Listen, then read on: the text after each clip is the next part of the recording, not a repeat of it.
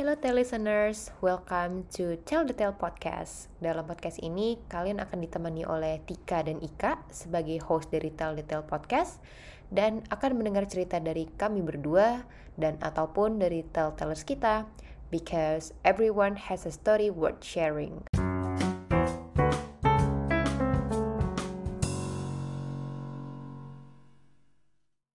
Halo, kembali lagi listeners, kembali lagi Mbak Ika. Apa kabar Mbak? Alhamdulillah baik. Tika gimana kabarnya? Aman, baik. Protokol kesehatan masih aman ya semua? Masih aman semua. Harus terus berjalan ya. yes. Hari ini tadi pagi agak mendung, tapi sekarang tiba-tiba ada matahari walaupun tetap mendung ya. Jadi semoga semuanya tetap masih semangat juga. Ya, harus harus selalu semangat. Oke, okay. um, melanjutkan topik kita yang tentang scholarship sudah kedatangan another um, tell-tellers lagi. Langsung yes. kita sambut aja ya. Ada Kak Bunga. Halo Kak Halo, Bunga. Kak Bunga. Halo Kak Tika. Halo Mbak Ika. Apa kabar? Baik, baik. Luar biasa. Oke, okay. ini sebagai perkenalan sedikit aja ya. Dulu tuh aku dan Kak Bunga kita bertemu di salah satu acara volunteer yang sejuta umat ikut ya, tapi ternyata kita bertemu di situ. Masa sih sejuta umat ikut? Ini banyak banget gak sih? Ya, ada ya, aku juga ikut. Aku juga Dan ikut. Ternyata suamiku juga ikut dua kali. Iya kan? aku nggak tahu. Kayak at least at least adalah sekali orang tuh ikut kelas inspirasi gitu, entah di negara apa kota mana gitu ya. Jadi kayaknya sih gitu. Sejuta umat ini ya. kita ketemu di um, volunteer itu, kemudian ternyata kita sama-sama kuliah ke Belanda di tahun yang sama juga untuk masters dan hmm. untung sempat ketemu sekali ya kemarin. Jadi hangoutnya nggak cuma di Jakarta ya. Oke oke, okay, okay. mungkin Kak Bunga mau memperkenalkan diri dulu, lagi sibuk apa sekarang, terus kemarin juga kuliah di mana dan menggunakan scholarships apa? Karena baru di refill di Belandanya doang tadi ya. Oke. Okay luar biasa ya. Fasih banget ini Katika. Udah aduh. malu dah gue saya jadi grogi. Oke halo semua. Namaku Bunga Meisa Rowli Siagian ya. Udah tahu ya dari mana asalnya dari Belanda bukan? Dari uh, aku sekarang sibuknya lawyering uh, jadi uh, advokat atau pengacara pada tahunnya di salah satu law firm di Jakarta tapi juga sambil part time juga sebagai uh, lecturer atau faculty member istilahnya di Prasetya Mulia di International Business Law. Terus ada ngebangun apa ya ya startup startupan lah gitu yang punya wow. ya yang punya uh, apa passionnya tuh lebih ke sharing knowledge sebenarnya namanya legal access ya hmm. uh, sama teman-teman juga ya yang lainnya. Sempat kepikiran mau bikin podcast tapi belum jalan-jalan nih, gitu sama Mbak Ika duluan. Mudah-mudahan nextnya jadi ya nanti ya. Nah iya, ya. Aku dulu sempat kuliah uh, eh, S2 kemarin se sebatch sama Kak Tika di tapi di Tilburg ngambil victimologi and criminal justice. Terus dan uh, puji Tuhannya dapat beasiswa full dari Stunet makanya saya bisa pergi. Kalau enggak mah saya nggak sanggup deh. Ya ya ya. Oke oke. Ini banyak hal yang baru aku tahu sekarang ya. That's why kita catch up. Hmm ternyata itu intinya dari podcast ini ya. Iya oh, ternyata wow ternyata kesibukannya masih banyak yang di luar yang aku tahu ya. Ternyata memang lagi bangun hmm. startup juga dan part time lecturing. Ini luar biasa nggak salah emang student milih Kak Bunga ya. Udah langsung kelihatan tadi dari kenalan ya aktivitasnya padat banget. Uh, ya kelihatannya aja tadi biar biar bagus saya di depan. Oke oke. Okay, okay.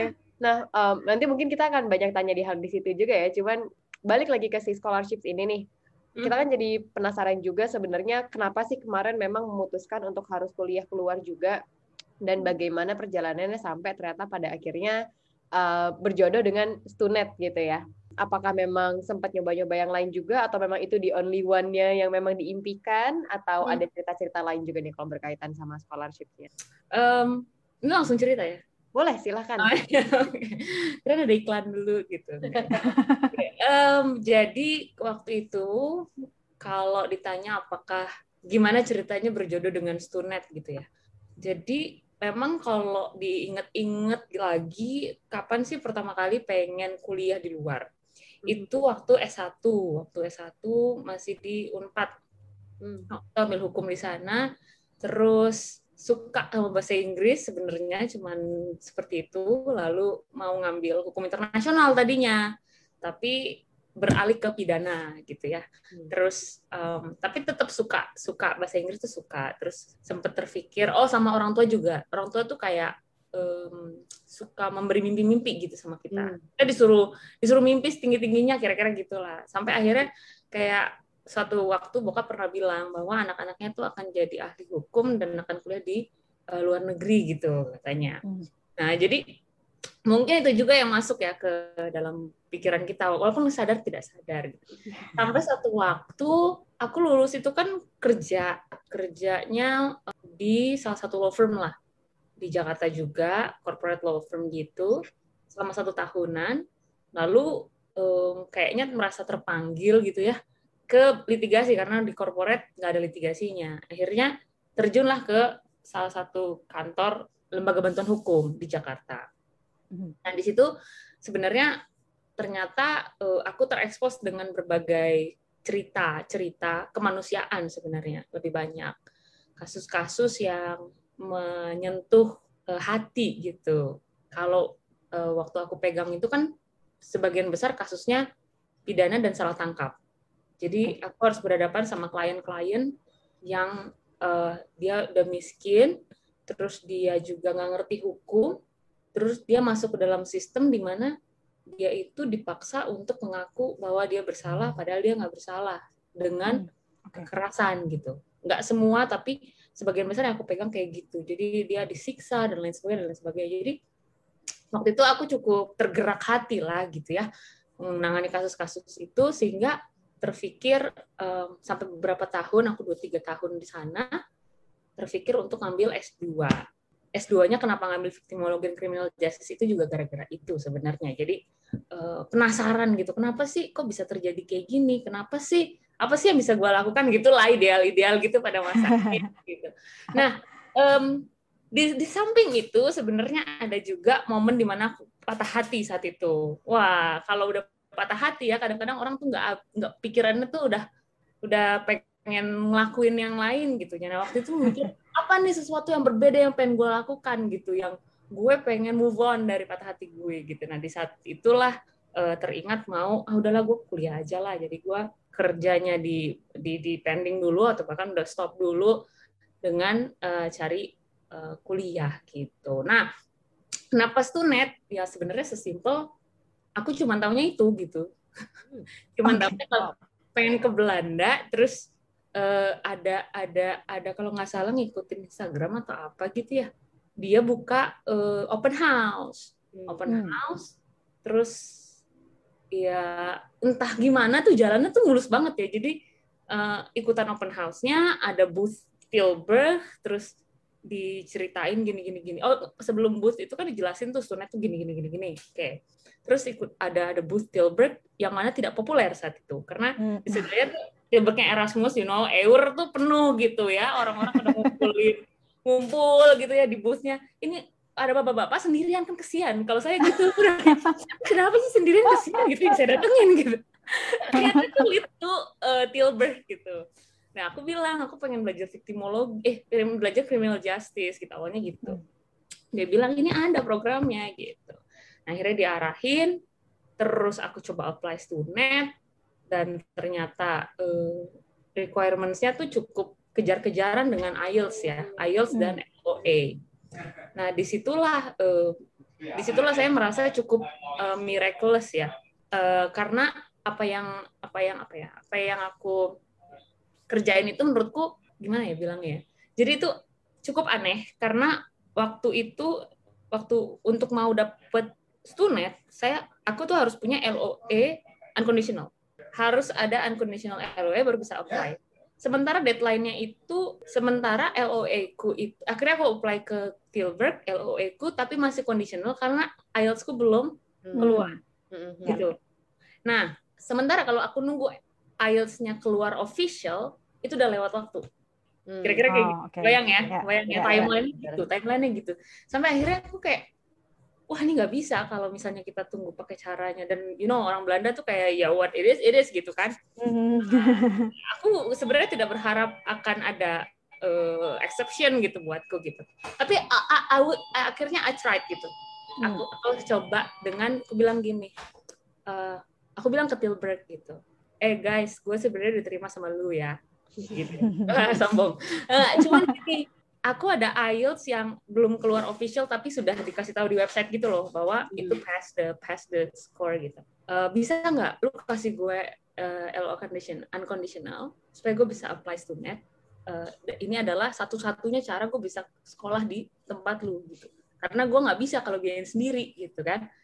Uh, nanti kalau misalnya udah official gue akan kirim ke lu gitu. Nah aku udah pesimis sejujurnya karena aku tahu orang Belanda kayak nggak mungkin deh bakal ngasih gitu kan uh, exceptional kayak gitu.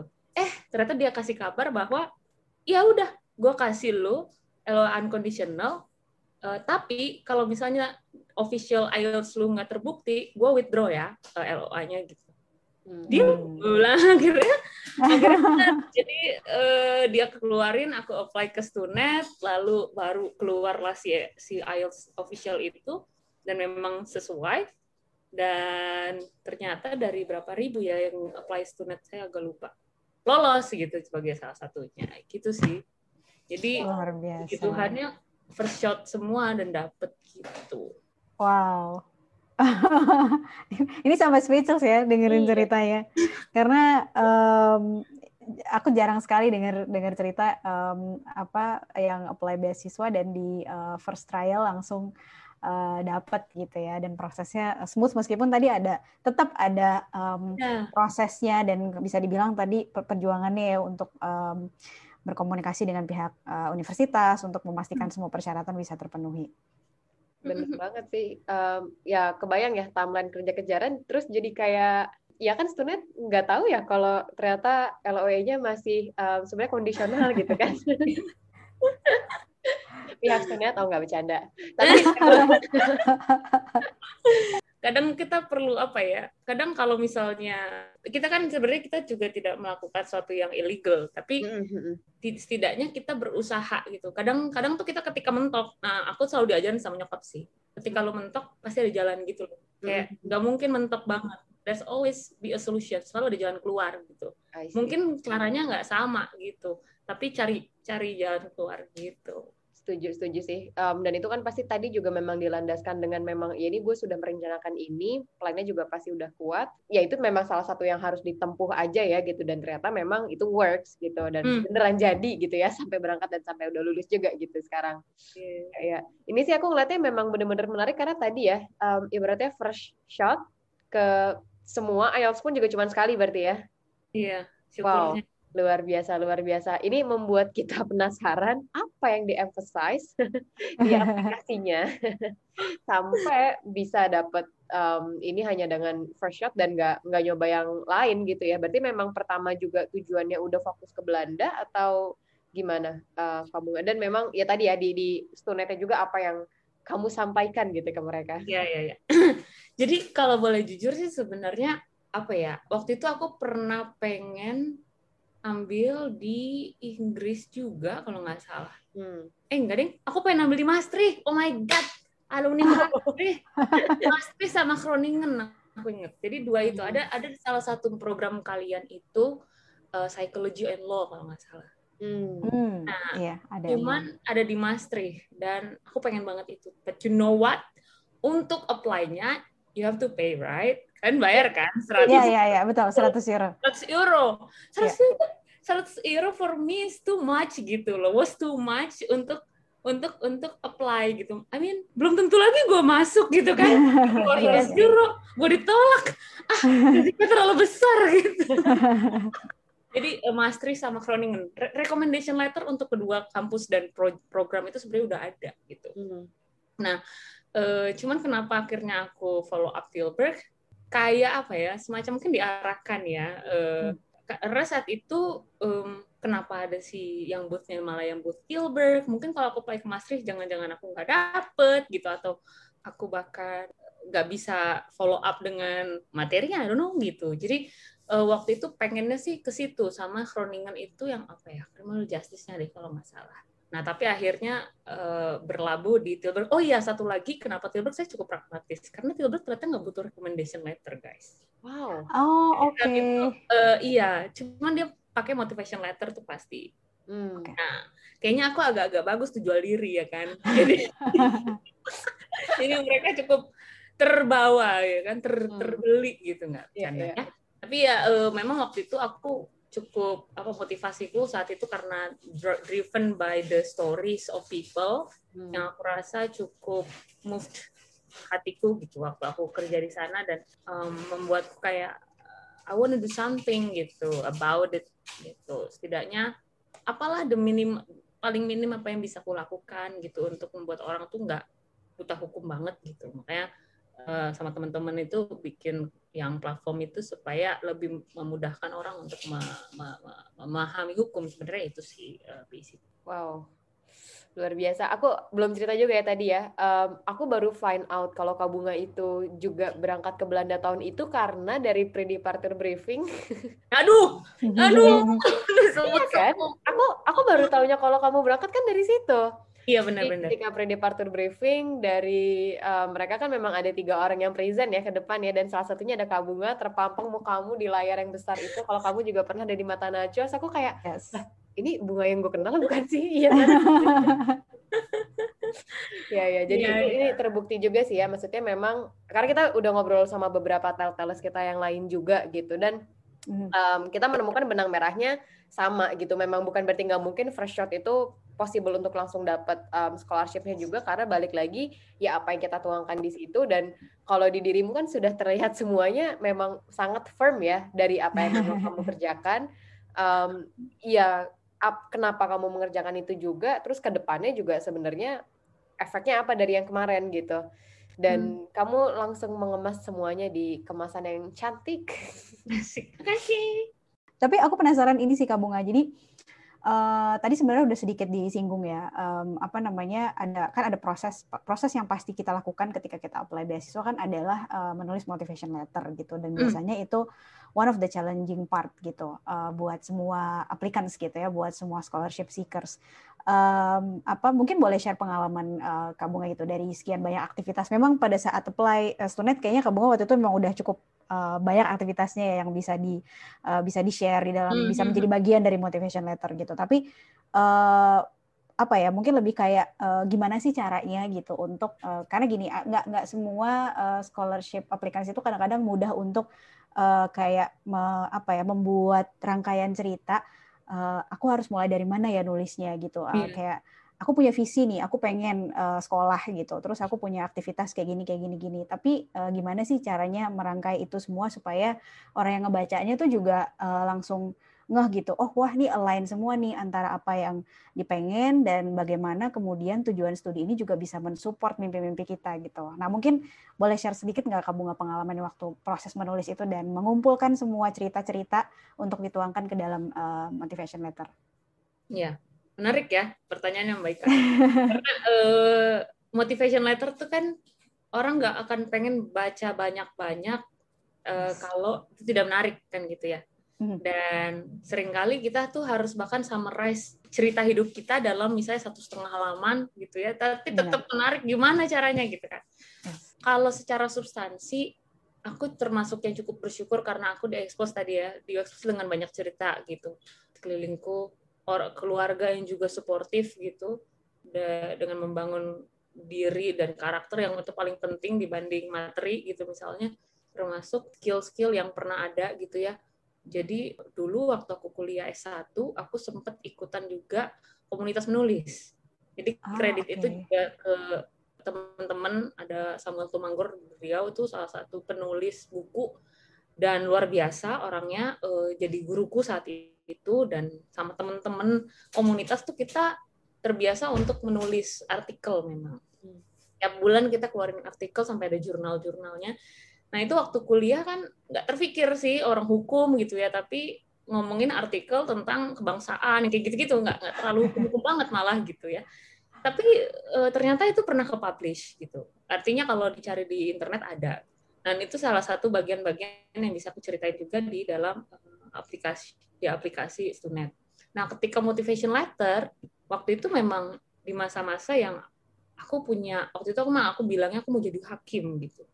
Nggak tahu apakah jadi hakim uh, agung nantinya tapi nggak tahu. Tapi saat itu yang aku kebayang tuh I wanna bring justice gitu. Hmm. kamu mungkin waktu itu masih sempit lah ngomongin justice tuh hakim gitu. Hmm. walaupun sekarang tuh udah lebih terbuka lah. Bring justice tuh doesn't doesn't have to be a, a, a, a judge gitu. Karena lucunya adalah ketika aku pengen jadi hakim 2018 ketika di Belanda malah buka hakim. Oh. dari 8 tahun hakim hakim tuh nggak pernah dibuka uh, rekrutmennya tapi 8 tahun atau 10 tahun? 8 tahun setahu saya. Itu pas 2018 malah buka di sana. Kan lucu gitu ya. Dan balik sampai sekarang nih belum buka lagi. Jadi salah kali ya uh, mimpi gue. Tapi tapi apa pun itu pada saat itu sih aku merasa kayak uh, itu yang aku merasa aku terpanggil untuk itu gitu. Aku bring justice ketika aku melihat orang-orang kecil yang karena dia tidak punya apa-apa jadi dia nggak bisa nggak bisa memiliki keadilan. Sekarang kan keadilan tuh hanya bagi orang-orang yang punya uang gitu. Hanya orang-orang yang punya kekuasaan dan ya punya lah intinya gitu. Hmm. punya orang yang nggak punya ya nggak bisa merasakan keadilan kayak gitu. Di situ sih aku. Nah dan memang banyak momen gitu banyak stories yang bisa aku uh, uh, uh, uh, uh, masukin. Masalahnya dalam satu setengah halaman tuh nggak mungkin semua cerita aku masukin. Jadi aku carilah cerita yang paling ngena buat aku pribadi. Karena balik lagi motivation letter itu kan ngomongin personal story personal letter. Jangan sampai kita malah dengar cerita orang kita masukin cerita orang ke dalam motivation letter kita jadi nggak bakal masuk gitu. Nah itu. Jadi memang ada satu momen di mana uh, waktu itu aku aku nggak apa-apa cerita ya momen Boleh, momen yes yes nggak apa-apa. Jadi itu cukup momentum sih buatku. Jadi waktu itu aku masih magang kayaknya di kantor yang lama itu. Bentuknya tuh kayak asisten bantuan hukum. Kita aku dapat tugas untuk uh, nayangin film. Filmnya itu yang bikin KPK uh, eh, tentang korupsi. Jadi korupsi itu kan di bayangan orang tuh kayaknya ada pejabat yang ngambilin uh, uang banyak gitu. Padahal sebenarnya korupsi itu di sekitar kita gitu. Nah, film itu tuh intinya itu. Film itu tuh intinya lu lihat uh, Pak RT misalnya yang ngutipin duit lebih dari seharusnya itu korupsi misalnya. Hmm. atau nimbun barang tuh korupsi kayak gitu-gitulah.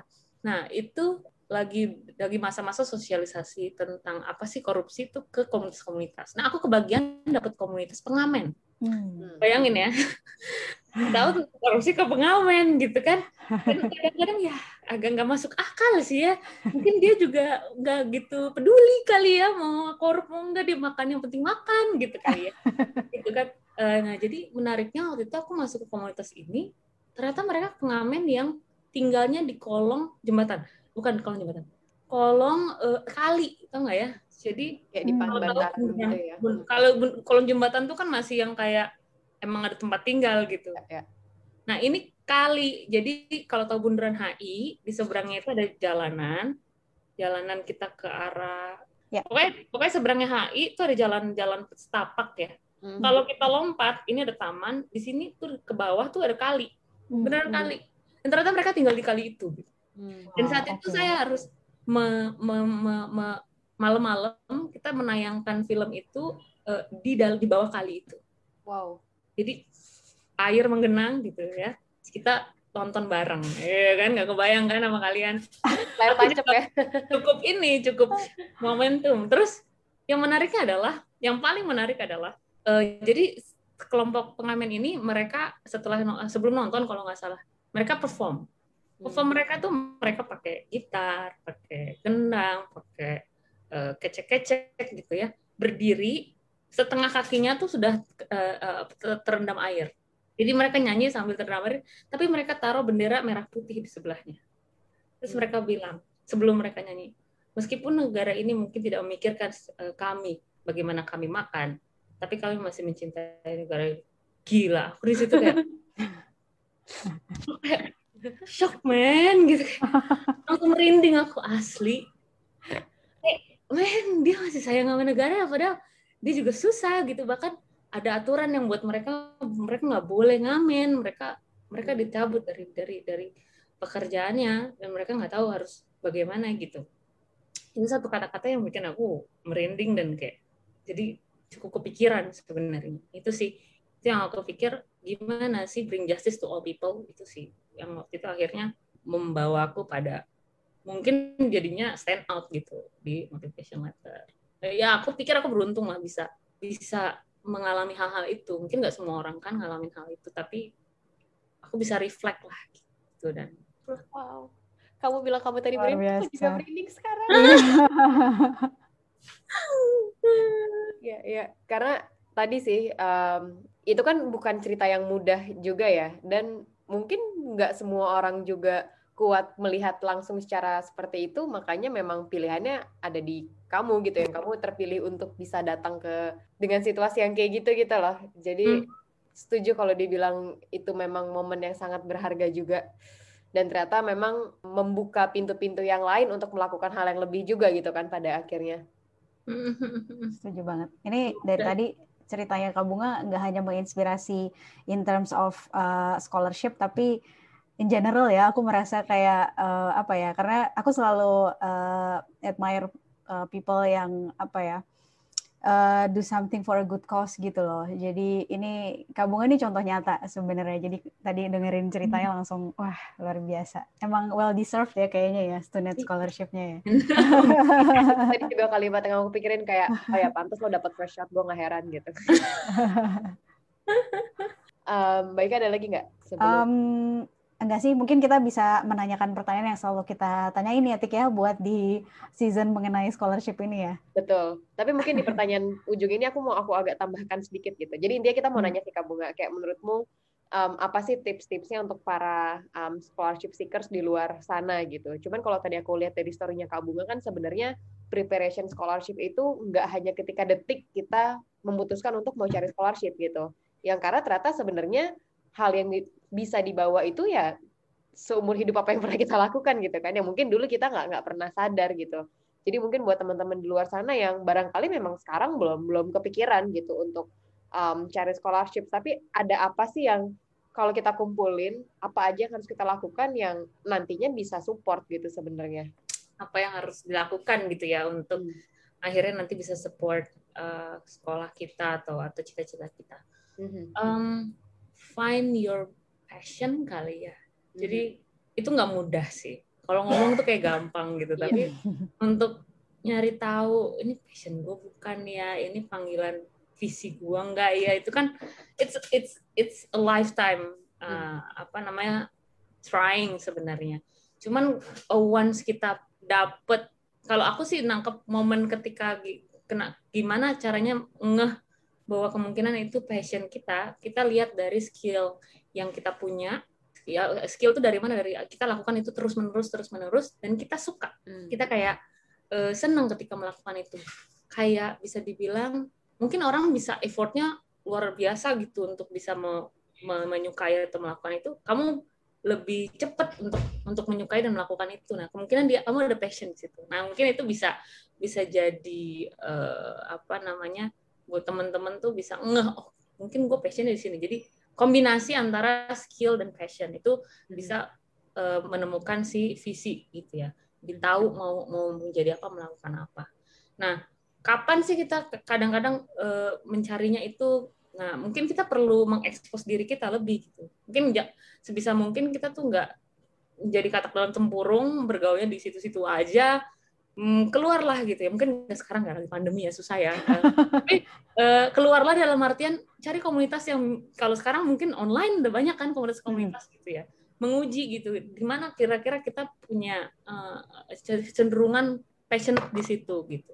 Belum tentu bisa jadi bisa bisa nggak apa yang memang gue kerjain sekarang itu bukan panggilan gue bisa aja gitu. Hmm. jadi nggak nggak melulu terbatas pada apa yang kerjain sekarang. Jangan-jangan ada hal lain yang ternyata you're good at that you're talented on that gitu. Nah, ini masa-masa yang menurutku cukup pas kita bisa mengeksplor diri kita untuk uh, mengetahui siapa kita. Nah, aku ingat waktu itu si uh, Audi Mayunda siapa namanya? Audi Ayunda. Ayunda. balik-balik. Ketukar dikit doang kamu nggak apa-apa. Saya suka gitu. Agak keselak gini di sini. Nah, uh, dia cerita dia bahkan untuk nulis motivation letter dia untuk masuk ke ke Oxford ya dia. Ya. itu satu setengah bulan. Kenapa? Karena ternyata di situ dia reflecting. Dia melihat lagi siapa dia. Who am I? Gitu. Siapa dia? Emang paling paling sebenarnya yang paling challenging menulis motivation letter itu bukan bagus atau tidaknya. Kita kenal diri kita apa enggak? Hmm. itu sih. Kalau kita bisa kenal diri kita kita tahu potensi kita di mana itu yang perlu di highlight gitu. Ketika kita tahu oh di sini poinnya di sini uh, gue mau melakukan sesuatu dan pastikan melakukan sesuatu nggak lagi buat kita gitu hmm. karena jarang orang kasih scholarship yang buat scholarship lu mau lakuin apa buat the greater good gitu kan? Enggak ya? Exactly, kita buat gue supaya gue banyak duit supaya gue kaya. Ya mungkin itu one of the thing gitu dalam diri kita. Tapi kalau lu mau scholarship kayaknya nggak itu deh yang lo jual gitu ya kan? Yeah. gitu. Jadi uh, what can you do for other people? Karena ternyata orang dewasa adalah orang yang tidak lagi memikirkan dirinya sendiri tapi dia mulai memikirkan orang lain gitu. Nah jadilah itu jadilah diri kita sendiri tahu siapa kita dan mulai dewasa mikirin orang lain apa yang bisa kita lakukan orang lain dan highlight itu di motivation letter gitu. Wow. Luar biasa. Wow. Very nicely said kamu nggak? Aku kayak merasa tertampar di beberapa kalimat gitu loh. Iya benar benar. Maaf nih, nggak bermaksud gitu ya. Nggak, tapi ini penting. Jadi kita langsung merasa ini juga ya, langsung kayak tergerak gitu ya, kayak oh oke okay, untuk berpikir lebih lebih luas lagi gitu dari yang selama ini biasa kita lakukan. Tapi aku salut sama Mbak Tika dan eh Katika dan Mbak Ika. Mbak Ika benar ya. Hmm. Sebenarnya kan apa yang kakak-kakak yang lakukan ini kan sebenarnya bahkan sudah menginspirasi pasti banyak orang dari cerita-cerita yang telltellers yang udah ada Amin, itu jangan ditampilkan dong dari influence yang sudah dilakukan. Good job, Mas alumni. Aduh, jadi gimana gitu ya dipuji sama Kak Bunga ya? Gak salah emang dia udah pilih Kak Bunga jadi telltellers ya. Iya, iya. Karena aku langsung ini sih tadi ketika ngomongin motivation letter, kayaknya part yang paling susah itu jujur sama diri sendiri gitu loh jadinya. Benar, benar. Jadi bukan untuk mengimpress uh, orang lain, tapi sebenarnya being ourselves ya. Iya. Yeah. Mm -hmm. Yes, yes. Sama tadi juga apa? Ya, kalau ditanya, jadi maturity itu apa gitu ya? Ketika memang yang dipikirin udah bukan buat diri sendiri lagi, karena ya nggak dipungkiri lah ya kalau kita capek atau misalnya kitanya juga lagi egois, egonya tinggi, ya pasti kan self centernya cukup tinggi gitu. Ya, which is pasti semua orang mengalami itulah gitu. Cuman memang tetap ada banyak poin di mana udah nggak saatnya gitu kan. Jadi dan itu semuanya tadi sih balik lagi ke proses gitu dan emang aku juga jadi nangkep dari kabunga um, memang perlu ya punya willingness untuk mengekspos diri kita di beberapa hal yang lain ya. Karena kalau kita nggak kenalan sama hal-hal baru tersebut ya gimana caranya lu mau tahu lo sukanya apa gitu. Ya. benar. Setuju setuju. Oke okay. thank you banget kak bunga. Sehat thank you banget kak bunga. Cerita ceritanya sangat menginspirasi. Aduh thank you thank you. Sukses ini selalu. ini cerita jarang loh aku cerita tentang ini. Ada sih beberapa tapi beberapa part yang aku cerita di sini belum pernah keluarkan secara publik asik. Jadi wow. Tel mendapatkan cerita eksklusif dari kamu yes. perdana perdana ya. perdana. Oke, oke kalau gitu semoga kita semua sehat-sehat selalu. Um, semoga yang teman-teman yang mendengarkan, ya aku yakin sih yang mendengarkan pasti langsung kayak, uh ada part merindingnya, ada part hmm. kayak terinspirasi dan kayak wow gitu kan. Jadi semoga um, episode kali ini berguna buat teman-teman semua juga. So next jangan lupa tetap follow Instagram kita di @tel.tel.id. Tunggu kejutan-kejutan berikutnya and see you on the next episodes. Bye bye. Bye bye. bye.